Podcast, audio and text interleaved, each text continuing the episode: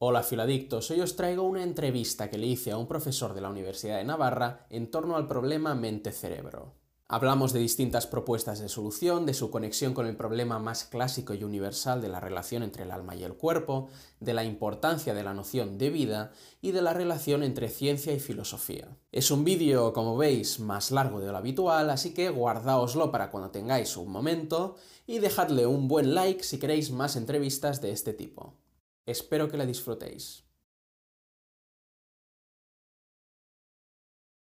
Hola, filadictos. Estoy aquí con José Ignacio Murillo, es profesor de la Universidad de Navarra y es director del grupo Mente y Cerebro en esta universidad. Siendo el problema mente y cerebro uno de los problemas más candentes en la filosofía actual, eh, he creído que sería interesante hacer una entrevista y por eso está aquí. A ver qué os parece. Entonces, José Ignacio, vamos a empezar. ¿Qué es el problema mente y cerebro? ¿Por qué es un problema? Bueno, antes de empezar a responderte, estoy encantado de, hacer esta entrevista. ¿eh? Es un placer y es un honor. Vamos a tocar un problema que efectivamente es un problema difícil. Así que, bueno, no sé si mis respuestas le gustarán a todo el mundo. Pero yo voy a decir lo que, lo que, lo que llevo ya bastante tiempo pensando. Así que, ¿en qué consiste el problema mente-cerebro? Pues sobre esto caben dos respuestas. Podemos preguntarnos qué es el problema mente-cerebro para nosotros hoy y ahora. O podemos preguntarnos si este problema mente-cerebro no es una variante de un problema universal, es decir, de un misterio que acompaña a la, condición humana. Si pensamos en lo segundo, en cuál es ese misterio, pues parece que desde muy antiguo, y quizá desde que el ser humano es ser humano, sabemos que el ser humano es un ser mortal, un ser que tiene un, ¿no? Es un ser, eh, bueno, pues como, los, como el resto de los animales, como el resto de los vivientes, es un ser efímero, que cuando vemos la, el universo nos encontramos que hay cosas que son mucho más estables, el universo mismo parece que es para siempre, y nosotros, sin embargo, morimos. Y sin embargo, el ser humano no se conforma con esto, sino que ha habido de todo de siempre, pues la idea de que algo permanece en el ser humano, de que existe eso que luego se ha llamado alma, que tiene muchas connotaciones, etc. Eh, por lo tanto, que el ser humano no se reduce a aquello que exteriormente se muestra y que parece que se destruye con la muerte. Ya digo que esto es algo que acompaña a la reflexión sobre el ser humano desde siempre. Pero claro, cuando hablamos del problema mente-cerebro en nuestros días, tiene unas connotaciones muy concretas y están determinadas por nuestra cultura, que a su vez está determinada por el pensamiento científico. Y el pensamiento científico lo que hace es, eh, tenemos la biología, que estudia los seres vivos, y nosotros somos un ser vivo, y la biología cuando estudia los seres vivos, eh, pues estudia cuáles son sus componentes, cómo se relacionan entre sí, cómo forman sistemas, cómo... Eh, vamos analizando todo eso y estudiamos los, los sistemas y los procesos, etcétera, etcétera. Pero cuando lo hacemos, parece que queda algo sin explicar. Y es que nosotros, que somos los seres vivos y que nos vemos desde una perspectiva privilegiada, somos conscientes y sin embargo la conciencia no aparece en nuestros estudios biológicos. Así que el problema mente-cerebro aparece por la porque es irreductible esa experiencia que tenemos de nuestras emociones, de nuestros pensamientos, de nuestras sensaciones, etc., a lo que la ciencia describe cuando estudia al ser humano. Y ese es el problema mente-cerebro. Hice un vídeo sobre los argumentos que tiene Platón para demostrar que el alma es inmortal. Y muchos de los comentarios eran, ya, pero esto está presuponiendo que el alma existe y esto es algo que la ciencia ya ha demostrado que no es así. ¿Qué, qué es esto del alma? Cuando la ciencia ya ha demostrado pues que no, que no existe tal cosa, ¿no? Entonces, claro, mi pregunta ahora sería, hablemos del alma o de la mente, ¿eh? porque obviamente luego habría diferentes maneras de entender cada concepto, pero ¿es esto un problema exclusivamente científico o, o se necesita algo más, se necesita filosofía? Pues para responder esta pregunta, lo que hay que tener en cuenta es cuál es la relación entre la filosofía y la ciencia, que no es una relación nada simple a veces tenemos la tentación de pensar que la ciencia es aquello que ha sustituido a la filosofía. En realidad, no está del todo descaminada, porque la ciencia procede de la filosofía. Es el pensamiento filosófico el que genera la forma de ver la realidad que hará posible después ciencias, bueno, en primer lugar, la, primera que aparece casi al mismo tiempo que la filosofía, que son las matemáticas, pero después aparecerán otras, otras disciplinas que comparten la misma visión intelectual de la explicación de la realidad, pero que se centran en problemas muy concretos. El éxito de la ciencia es determinar problemas sencillos y que se pueden responder. Esto es una ventaja respecto de la filosofía, porque la filosofía se plantea todos los problemas. Cuando los problemas se convierten en sencillos, acaban siendo eh, parte de una disciplina filosófica.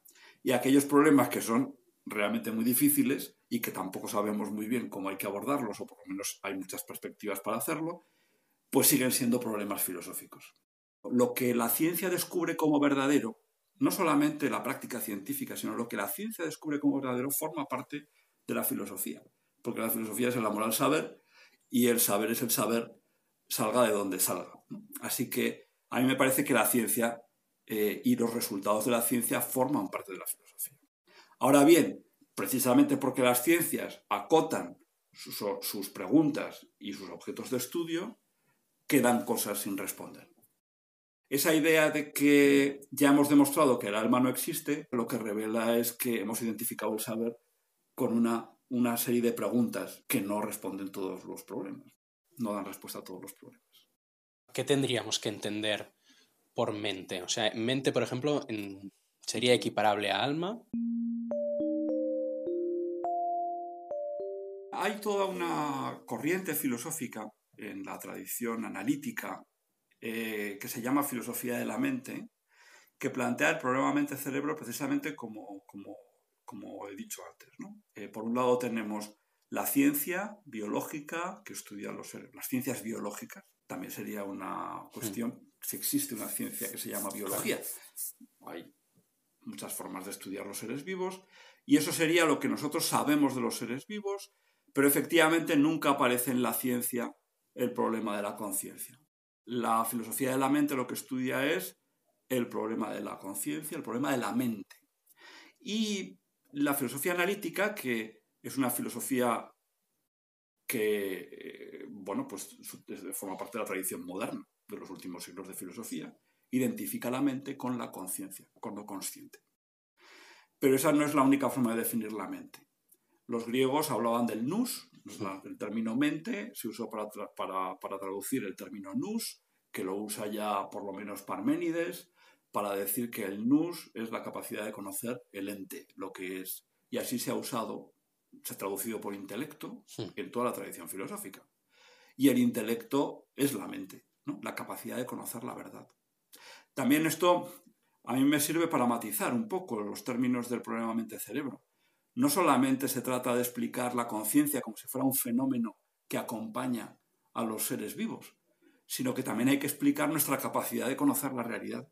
Una capacidad de conocer la realidad que también se traduce en la ciencia misma que está explicando a los seres vivos. ¿no? Dice, ¿por qué es verdad lo que dice la biología? ¿Y qué quiere decir que somos capaces de conocer la verdad? ¿Y puede un organismo conocer la verdad y la realidad tal como es? Estas son preguntas que también requieren una respuesta. Y así es como se planteaba el problema mente-cuerpo, por ejemplo, Aristóteles. Cuando, cuando nos damos cuenta de que existe un problema, es decir, de que hay como dos perspectivas para estudiar al ser humano y que eh, eh, desde ninguna de ellas aparece todo el ser humano, pues entonces tenemos varias respuestas posibles. Digo esto último porque eh, nosotros estudiamos el cuerpo y no nos sale ni la inteligencia, ni la conciencia, ni la subjetividad, no nos sale. Pero por más que nosotros pensemos en nuestra subjetividad, en nuestra conciencia, etcétera, etcétera, tampoco sale el cuerpo. lo que le pasó a Descartes. Exactamente, que es lo que le pasó a Descartes. Por lo tanto, Descartes llegó a decir que se trataba de dos sustancias distintas, ¿eh? que es una forma de resolver el problema, o de dos cosas distintas. Aunque era bien consciente que el ser humano es uno, y de hecho, desde el punto de vista práctico, pues decía que efectivamente ahí es donde se notaba esa idea que nos falta del ser humano como un ser unitario. Esto es a veces algo Esto es eh, algo que a veces no se conoce tanto de Aristóteles, de Descartes, perdón. Mm. La Descartes eh, es un dualista porque piensa que el pensamiento es irreductible al cuerpo y por lo tanto ya además tiene cierto control sobre él y por lo tanto tiene que ser una cosa distinta. Y eh, el cuerpo pues se puede entender como si fuera una máquina. Por lo tanto también es otra cosa distinta del pensamiento. Platón tiene un dualismo que es un poco distinto. Platón se puede decir que es el primer pensador dualista, que es una de las formas de responder al problema.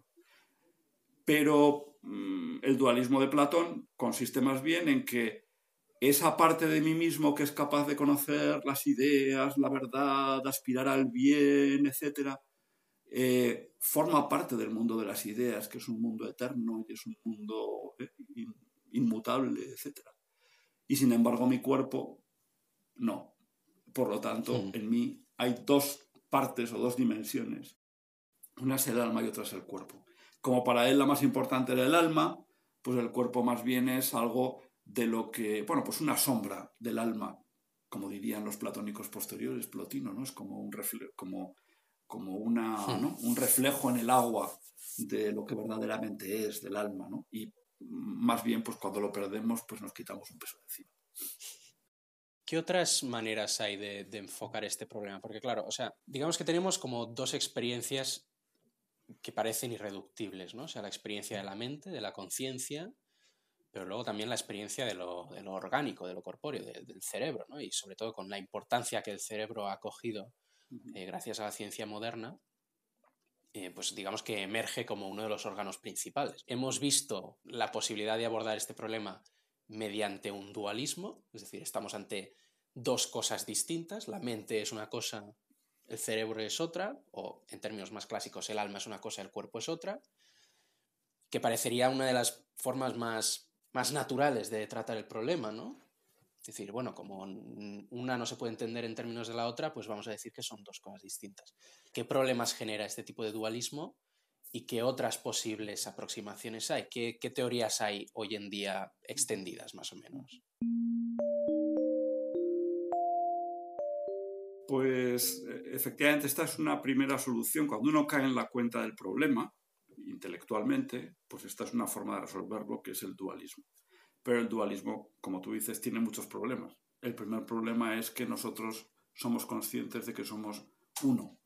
Y el dualismo nos divide en dos. Y eso implica el problema de la relación, es decir, cómo se relaciona una, una, cosa con otra. Así que el dualismo es realmente muy problemático, aunque como tú dices, tiene una gran fuerza. Es curioso que incluso en nuestra cultura, porque nuestra cultura, precisamente por, su, por muchas razones, pero eh, también por el peso que tiene la ciencia empírica en ella, eh, tiende a pensar que eh, eh, el dualismo es un error ¿eh? y, que, y, a dar por hecho, ¿no? como decía tu, hmm. amigo, ¿no? pues efectivamente ya está demostrado que el alma no existe. ¿no? Damos por hecho que el alma no existe. En cualquier caso, eso que llamamos alma acabaremos explicándolo cuando la biología hmm. progrese. Claro, ¿qué otras posibilidades hay? Bueno, hay una posibilidad contemporánea también, que es ser muy radical.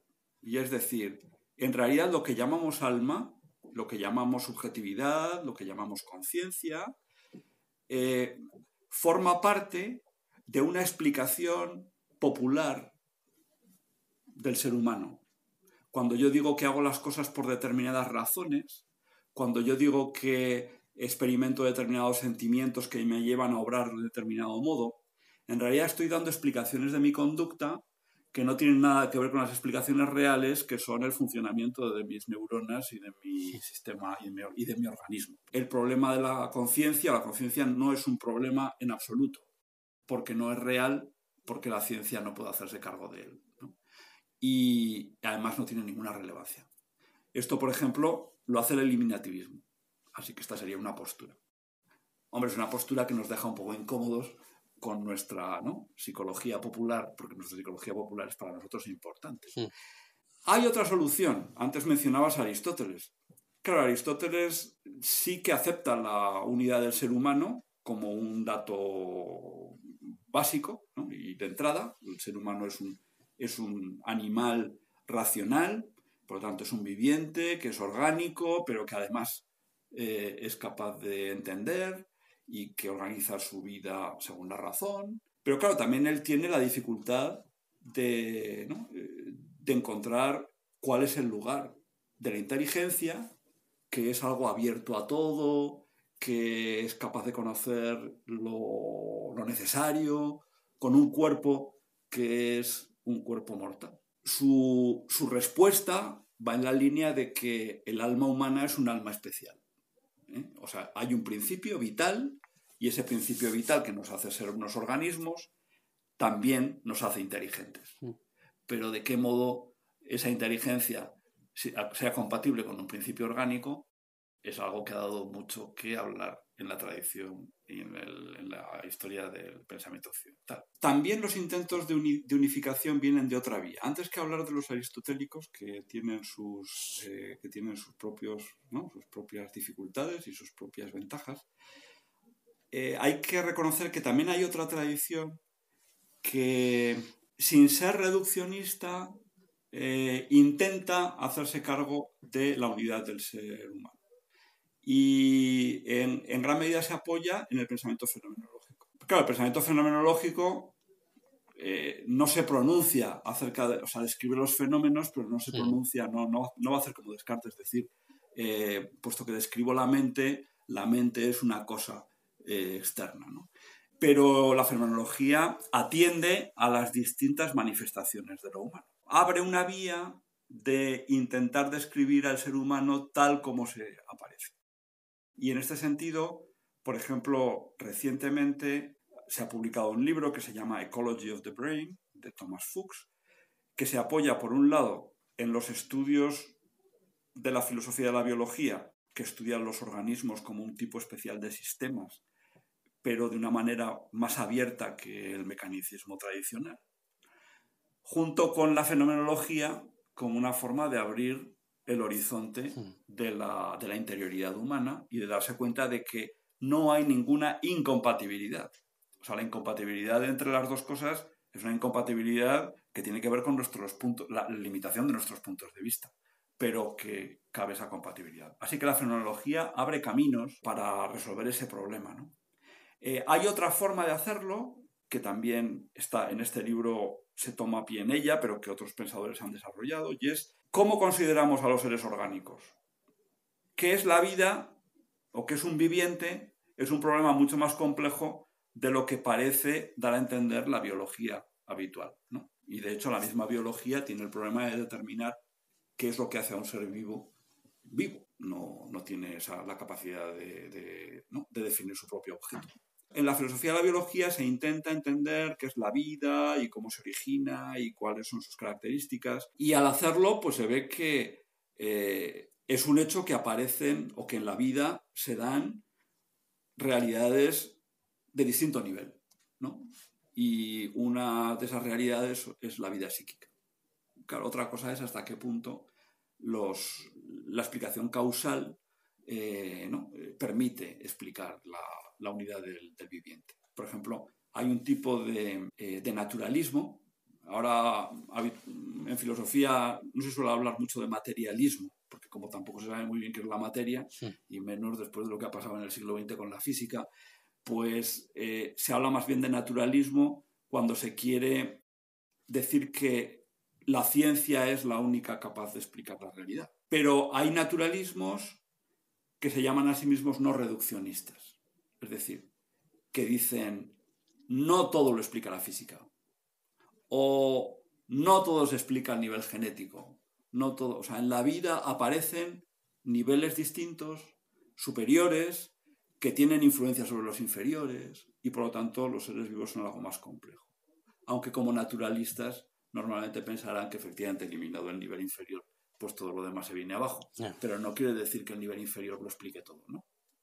Yo esto lo suelo plantear de otra manera, ¿no? Ya sin entrar en la problemática acerca del espíritu, etc. Claro, el, naturalismo normalmente tiende a dividir la realidad, hace como hacían los, atomistas antiguos, ¿no? La realidad en partes muy pequeñitas e intentar entender todo lo que existe por las relaciones entre esas partes. Em, pero claro, cuando nosotros miramos un átomo y decimos, yo puedo describir un átomo, bueno, esto está por que podamos describir, pero nosotros entendemos que es un átomo hasta que no sabemos un átomo de hidrógeno, por ejemplo, hasta que no sabemos que un átomo de hidrógeno puede formar una molécula de agua. Entendemos un átomo hasta que no nos damos cuenta de que puede formar parte de una molécula que también forma parte de otro compuesto químico superior, etcétera, etcétera. O sea, no, la realidad no se agota en lo que da de sí cuando está separada del resto.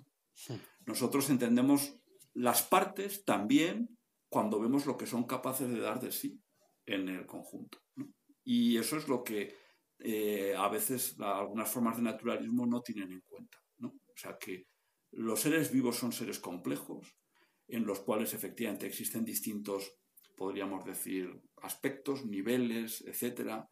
¿no? Unos presuponen otros, eh, pero eh, no por eso podemos decir que los niveles superiores son puros espejismos o que todo su poder se reduce a los inferiores sino que en gran medida la explicación de cuáles son las partes inferiores también remite a lo que las partes superiores pueden dar, a que las dimensiones superiores pueden dar de sí.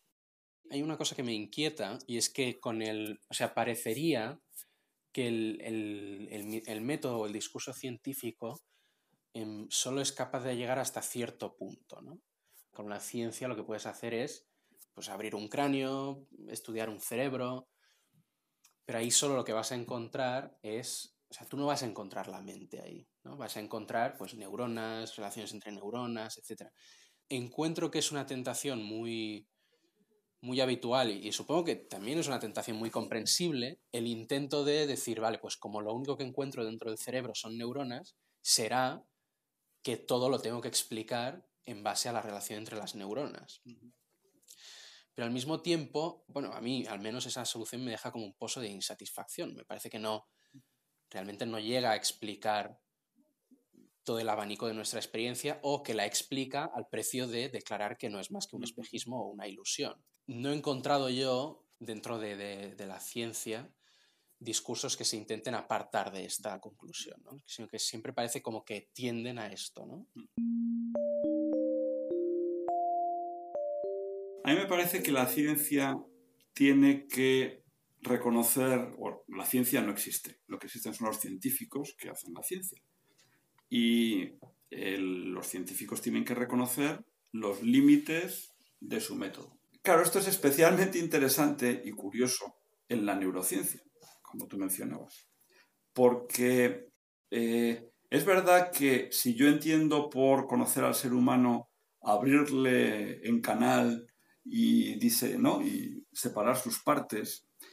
Me encuentro con el cerebro y lo que encuentro pues son unas, Son neuronas, etcétera, etcétera. Pero en realidad la neurociencia no funciona así. La neurociencia parte de la actividad de los seres vivos y después intenta estudiar cuáles son sus bases orgánicas. Si yo no supiera que los seres humanos hablan, no podría encontrar en el cerebro ¿qué tiene que ver con el lenguaje? Si yo no supiera que los seres humanos tienen emociones, no sabría qué buscar cuando abro, cuando abro el cerebro o cuando lo estudio con neuroimagen o cuando no. Cuando veo qué es lo que permite que los seres humanos tengan emociones desde el punto de vista neural.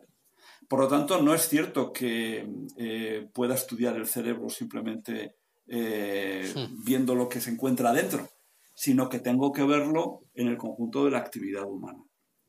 Y esto pienso que los neurocientíficos son conscientes. La, eh, la neurociencia cognitiva, que es una forma de, ¿no? una parte de la neurociencia que estudia las funciones, eh, digamos, ¿no? la sensación, las funciones, las emociones, las funciones eh, que llamaríamos superiores del ser humano desde el punto de vista del cerebro, como pues parten de las funciones. Y el estudio cerebral, curiosamente, el estudio de su, de sus condiciones cerebrales de posibilidad, no agota las acciones. Y esto me parece que también es importante tenerlo en cuenta. Por eso la neurociencia pues, se enfrenta con el misterio de lo humano. podemos dar una cierta explicación, pero no podemos agotar en qué consiste la actividad, en qué consiste la conciencia, etc. Es que me, acuerdo de, discutir con, un amigo, o sea, básicamente él, la, la, posición que adoptaba era, si lo único que encontramos son relaciones entre neuronas, eso es lo único que hay, ¿no? El método se ha acabado comiendo su punto de partida, ¿no? Porque si realmente la neurociencia está partiendo del ser humano vivo, es más abarcante que lo que tú acabas de encontrar. Sí, sí, efectivamente, además hayas tocado un tema que es central, es el, la cuestión, es el tema de la vida. Nuestro dualismo moderno, eh, que ya tal como lo plantea Descartes, tiene esto, este problema, es que nuestra forma de entender el cuerpo, separamos cuerpo de espíritu, y el cuerpo sería un mecanismo. Claro. Un mecanismo, todo lo complejo que se quiera, pero es un puro mecanismo. Mientras que el espíritu, si lo aceptas, pues sería simplemente algo inmaterial y que no tiene nada que ver con el cuerpo. ¿eh? En todo caso, habría que ver cuál es la interacción. Eh, claro, si tú tienes este modelo cuando haces ciencia, lo que, un modelo mecanicista, por complicado que sea, ¿no? porque ahora los mecanismos que conocemos ya no son los mecanismos que conocía eh, Descartes, sino que también somos capaces de diseñar ordenadores y máquinas que decimos manipulan la información y precisamente este es uno de los modelos con los que tendemos a estudiar el cerebro, ¿no? una máquina que manipula información. Pero es una máquina, una máquina que tiene partes, etc. Hay un ejemplo que es muy, es muy sencillo y que tiene sus problemas, pero me parece que es iluminante. Y es, pensemos en una radio. Una radio es un aparato que depende de las cosas que le hagas, tocas unas determinadas, eh, unas determinadas manecillas y de repente escuchas voces. Imaginemos que una radio cae en manos de una, una, una cultura arcaica que no sabe qué son las, las ondas de radio, que jamás ha, no sé, no sabe qué es la electrónica. Y encuentra la radio y se da cuenta de que la radio emite unas voces. Supongo que habría una discusión, si se interesan por saber qué es aquello nuevo que acaba de aparecer, una discusión acerca de qué es lo que hay. Algunos dirían, bueno, las voces proceden de la radio. La única explicación de que haya voces es que la radio habla. Y esa sería una de las explicaciones posibles. Pero claro, nosotros sabemos que eso no es suficiente. O sea, efectivamente no podríamos escuchar voces si la radio no fuera como es. Pero las voces no proceden en este caso de la radio. ¿eh? Bueno, evidentemente si lo aplicamos al ser humano, no, o sea, al problema de mente-cerebro no hay que modificar algunas cosas. Pero me parece que da alguna, bueno, quizá hay más de lo que nosotros podemos ver simplemente por el análisis de las partes y de sus relaciones, de, lo que, de las partes materiales y sus relaciones. Probablemente hay algo más, ¿eh? y eso no tenemos acceso con el método de la, del, análisis. Eh, incluso el que quiera entender que es una radio tiene que tener en cuenta que es capaz de emitir voces se preguntará, bueno, ¿y esas voces de dónde salen? Y tendrá que ver, ¿es capaz una radio de emitir un discurso articulado y razonable, etcétera? La ciencia se encuentra a veces hmm. ante problemas semejantes. O sea, ¿hasta qué punto el, paradigma de la máquina, de, entender el ser vivo como una máquina, está desvirtuando aquí la, posible comprensión del problema? supongo que tendrá sus virtudes y servirá instrumentalmente para entender ciertas cosas, pero hasta qué punto intentar entender el ser vivo como máquina, desde el paradigma de la máquina, nos aleja de una real comprensión de lo que es el ser vivo. La noción de vida es muy importante para, para resolver el problema, porque nosotros somos un, uno como seres vivos. Curiosamente, cuando nos morimos es cuando dejamos de ser como diría Aristóteles, ¿no? Eh, la vida para los vivientes es ser, por lo tanto un cuerpo muerto pues no es, eh, ya no es el ser vivo. O sea, mientras estamos vivos somos unitarios, somos un ser unitario. Esto es algo que, bueno, el filósofo Robert Spemann, que por cierto falleció hace tres días, eh, lo explicaba en una entrevista cuando le preguntaban acerca de cuál consideraba que era el tema más importante para la filosofía en nuestros días. Lo decía en los años 90, pero yo creo que de alguna manera sigue siendo, eh, sigue siendo válido. Él decía, eh, el problema de nuestra cultura y de nuestra civilización es que por un lado tenemos una visión de la subjetividad y por otro lado tenemos una visión del mundo como algo puramente material y del ser humano como un puro mecanismo. Eh, y entre esas dos visiones no cabe una... no son compatibles. Lo que ha ocurrido es que hemos decidido que la realidad es lo que la ciencia describe y por lo tanto ese mecanismo. Y la subjetividad pues no tiene nada que ver con la verdad. Es algo que simplemente experimentamos, pero que, bueno, pues no, tiene ninguna racionalidad. Así que el naturalismo puede convivir con el subjetivismo, decía él. Y decía, ¿cuál es la solución de este problema? Dice, pues que Descartes separó el pensamiento, la conciencia, de la materia, del cuerpo. Y sin embargo, en la antigüedad existía la noción de vida.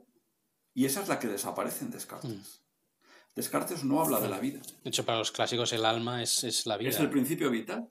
¿Y qué significa vida? Esto hay un autor del siglo XX, que es Helmut Plessner, que lo explica muy bien. Lo característico de la vida es que en ella aparece una interioridad y una exterioridad. Él hablaba del límite, ¿no? Lo, característico de los seres vivos es que el límite en ellos no es simplemente donde acaban y empieza otra cosa, sino que el límite lo ponen ellos mismos. Y entonces, el que haya una interioridad es algo que es característico del fenómeno vida. El ser vivo no es simplemente una pura interioridad como como el pensamiento cartesiano, ni es simplemente una máquina, sino que es realmente un ser que tiene, Aristóteles diría que tiene, es capaz de actividades inmanentes, es decir, que es capaz de hacer algo que le conviene a él, ¿no? que pone sus propios fines y tiene una unidad, pero esa unidad es la unidad en cuanto a ser vivo. Y a mí me parece que esta es una de las claves para resolver el problema mente-cerebro. Entender bien qué significa la vida. Este es un, un problema que no puede resolver simplemente la ciencia en la medida en que se plantea esas preguntas determinadas y concretas, sino que es un problema filosófico uno de los problemas que yo veía discutiendo con este, amigo mío es que, claro, al final su discurso mecanicista a lo que lleva es precisamente a la eliminación del concepto de vida y a otra cosa que a mí me parece existencialmente más impactante, claro, si tú eliminas el concepto de vida, eliminas el concepto de muerte. Claro, ¿hasta qué punto podemos realmente decir sinceramente que la muerte no existe? está muy bien visto. Y de hecho, Hans Jonas eh, plantea, cuando eh, Hans Jonas tiene un libro, un libro que en mi opinión es muy importante de la filosofía del siglo XX, que es El principio vida, que probablemente Spemann tenía presente cuando estaba, o seguro que tenía presente cuando decía esto de que la vida era el gran tema pendiente de la filosofía contemporánea. Hans Jonas en el principio vida comienza diciendo que es curioso que en, la, en los últimos siglos se ha dado como una especie de, de cambio de perspectiva respecto de la filosofía clásica y del pensamiento, además, humano desde el origen. Para los antiguos, lo evidente era la vida y el problema era la muerte, lo que no estaba vivo. O sea, que lo vivo es real es algo que nosotros experimentamos en primera persona y que lo vemos, que lo, lo vivo es lo real. Y sin embargo, lo vivo se muere. Y hay cosas que no están vivas. A veces tendían los antiguos incluso a pensar que había un alma del mundo. Por lo menos el, el universo estaba vivo en su conjunto, porque lo real era la vida. A partir del mecanicismo, sin embargo, se da una, un giro total.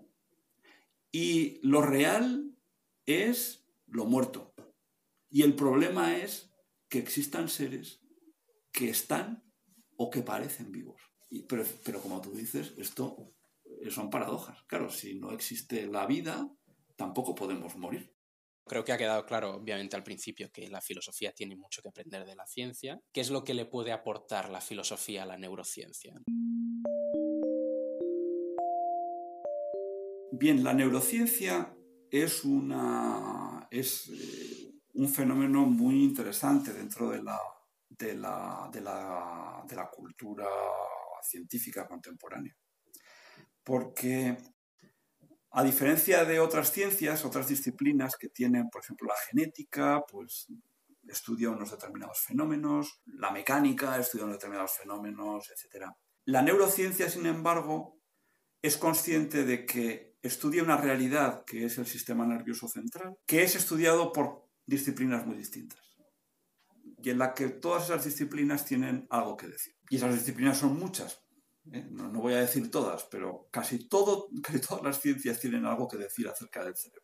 Así que la neurociencia aparece como un empeño interdisciplinar, de colaboración entre especialistas de distintos campos para resolver una cuestión común o para comprender una realidad que todos tienen en común. Y por lo tanto, la neurociencia, ya por así decir, exige la filosofía desde el punto de vista metodológico, porque eh, la filosofía, uno de sus papeles es precisamente organizar el saber y los distintos saberes para darles una cierta unidad, ¿no? Es decir, bueno, qué es lo que le corresponde a cada cual, etcétera, etcétera. La filosofía es esa reflexión del pensamiento humano que permite encontrar el lugar de cada saber dentro de la unidad del saber. Así que la neurociencia reclama la filosofía. Y los neurocientíficos mejores han aceptado la filosofía como algo eh, que aporta a la neurociencia. Así que es curioso, ¿no? Dentro de la misma ciencia, cuando no simplemente nos preocupamos por los fenómenos que nos interesan, sino que intentamos entender la realidad tal como es, las disciplinas tienen que colaborar y la filosofía entra también en la cuestión. Claro, la filosofía también aporta eh, precisamente porque el ámbito de las preguntas que habla la neurociencia es tan amplio que las disciplinas particulares, ninguna de ellas tiene respuestas para todas. Cuando uno intenta ir a lo científico despreciando lo filosófico, no es consciente de los presupuestos filosóficos que lleva a su estudio, a su investigación. Entonces, ya, para terminar, hemos visto las distintas propuestas que puede haber de explicación de este fenómeno, ¿no? De, por un lado, el dualismo, por otro lado, otras aproximaciones más monistas o más reduccionistas o más emergentistas incluso, ¿no? Eh, ¿Cuál sería, digamos, la propuesta de, tu grupo en concreto y qué reacciones habéis tenido? En realidad, eh, el planteamiento que hicimos desde el principio era estudiar en particular la acción humana desde un punto de vista interdisciplinar es decir, en el que la neurociencia y la filosofía dialogaran, pero también en el que distintas corrientes de la filosofía, distintas formas de hacer filosofía, dialogaran entre sí en torno a un problema común. Es por así decir, el modelo de la neurociencia, ampliarlo a la relación entre las mismas tradiciones filosóficas. Porque, como digo, actualmente hay algunas tradiciones filosóficas distintas, pues Podemos pensar la filosofía analítica, he dicho antes, el aristotelismo, la fenomenología, que tienen cosas que decir y que muchas veces se encuentran en la discusión encerradas en sus propias tradiciones. Mientras que si lo que tienes que resolver son problemas que te plantea la ciencia, o tomar como dato lo que la ciencia descubre, eh, las aportaciones de las distintas disciplinas parece que existía la posibilidad de que se pudieran poner en común y que se abriera un ámbito de discusión unificado. Así que esta era la idea. Por lo tanto, nuestra propuesta no es una propuesta única, porque eh, existen distintas formas de tratar el problema dentro, de, nuestro grupo y en las personas con las que trabajamos. Si yo tuviera que describir cuál es la mía, que efectivamente pues tiene ¿no? cierto peso dentro del grupo, pues porque yo soy el que lo dirige, pero no, pero no la impongo a nadie. Lo que me gustaría a mí es continuar la tradición aristotélica de una manera eh, completa. Me, me, explico. Claro, Aristóteles es uno de los grandes. Entonces, cuando el pensamiento de Aristóteles ha dado lugar a una escuela aristotélica que encontramos después en la Edad Media, en los pensadores árabes, después Tomás de Aquino, etcétera, etcétera, y que incluso bueno, en el siglo XX ha tenido también un, revivir, el aristotelismo, etc. Pero me parece que eh, el aristotelismo tiene todavía pendiente la cuestión de integrar los conocimientos que ha aportado la ciencia dentro de su visión del ser humano. Así, por ejemplo, el aristotelismo tiene, como decía antes, esa eh, perspectiva que me parece que es la correcta de entender que el ser vivo es un ser unitario, que somos uno en la medida en que estamos vivos, que tenemos distintas eh, capacidades, distintas facultades, etcétera, en cuanto a organismos, pero a la hora de decir eh, en qué consiste esa unidad, y se dice, bueno, es que el alma es la forma del cuerpo. Y dice, bueno, aquí hay mucho que decir desde el punto de vista eh, ¿no? de qué significa cuerpo y de qué significa forma. El otro día en un seminario, por poner un ejemplo de esto, eh, un seminario sobre filosofía de la mente, asistía un biólogo. Este biólogo dijo, bueno, es que a nosotros en realidad, más que la materia, nos interesa la forma. Lo que nos interesa es describir la forma, los sistemas formales, ¿no? los sistemas, etcétera, etcétera. Y a mí me parece una observación muy acertada. De hecho, mi tesis es que cuando uno estudia un buen libro de biología, lo que encuentra es la teoría de las causas aristotélicas. Se habla de la causa material, se habla de la causa eficiente, se habla, se habla de la causa formal y se habla incluso de la causa final, aunque no se le quiera llamar así. Y sin embargo, el aristotelismo muchas veces hace una descripción demasiado, ¿no? O sea, como si todavía estuviéramos en el siglo IV antes de, Cristo, ¿no? Eh, de qué, cuál es la relación entre la materia y la forma, ¿no? Y sin embargo, hoy en día sabemos mucho más acerca de la causa formal, sabemos mucho más acerca de la causa material y sabemos más acerca de la causa eficiente. Y contra lo que el mecanicismo nos ha intentado imponer, la biología no puede vivir sin la causa final porque sin orden y sin movimiento, hay que tener en cuenta que los seres vivos, eh, bueno, toda la realidad, no podemos comprender el movimiento sin una orientación hacia adelante. Si no hay después, no hay movimiento. Y la ciencia tiende a congelar aquello que estudia y por lo tanto suele estudiar muy mal el movimiento. Lo estudia más bien como procesos, como secuencia de, de estadios pero no estudia el movimiento en cuanto tal. Y esto es lo que Aristóteles aporta, que la vida se da en el movimiento y que el movimiento exige también la causa final. Bueno, pues hasta aquí. Eh, espero que os haya resultado interesante. Al menos a mí me ha resultado muy interesante. Si os ha gustado, os ha hecho pensar y habéis aprendido algo, dale al like, compartirlo con vuestros amigos y suscribíos. Y si tenéis alguna pregunta, ponedla en los comentarios. Y bueno, si veo que hay muchas o que hay preguntas eh, que aquí no han salido y que tendrían que haber salido, pues se las enviaré a José Ignacio y a lo mejor volvemos a repetir en otra ocasión. Hasta la próxima.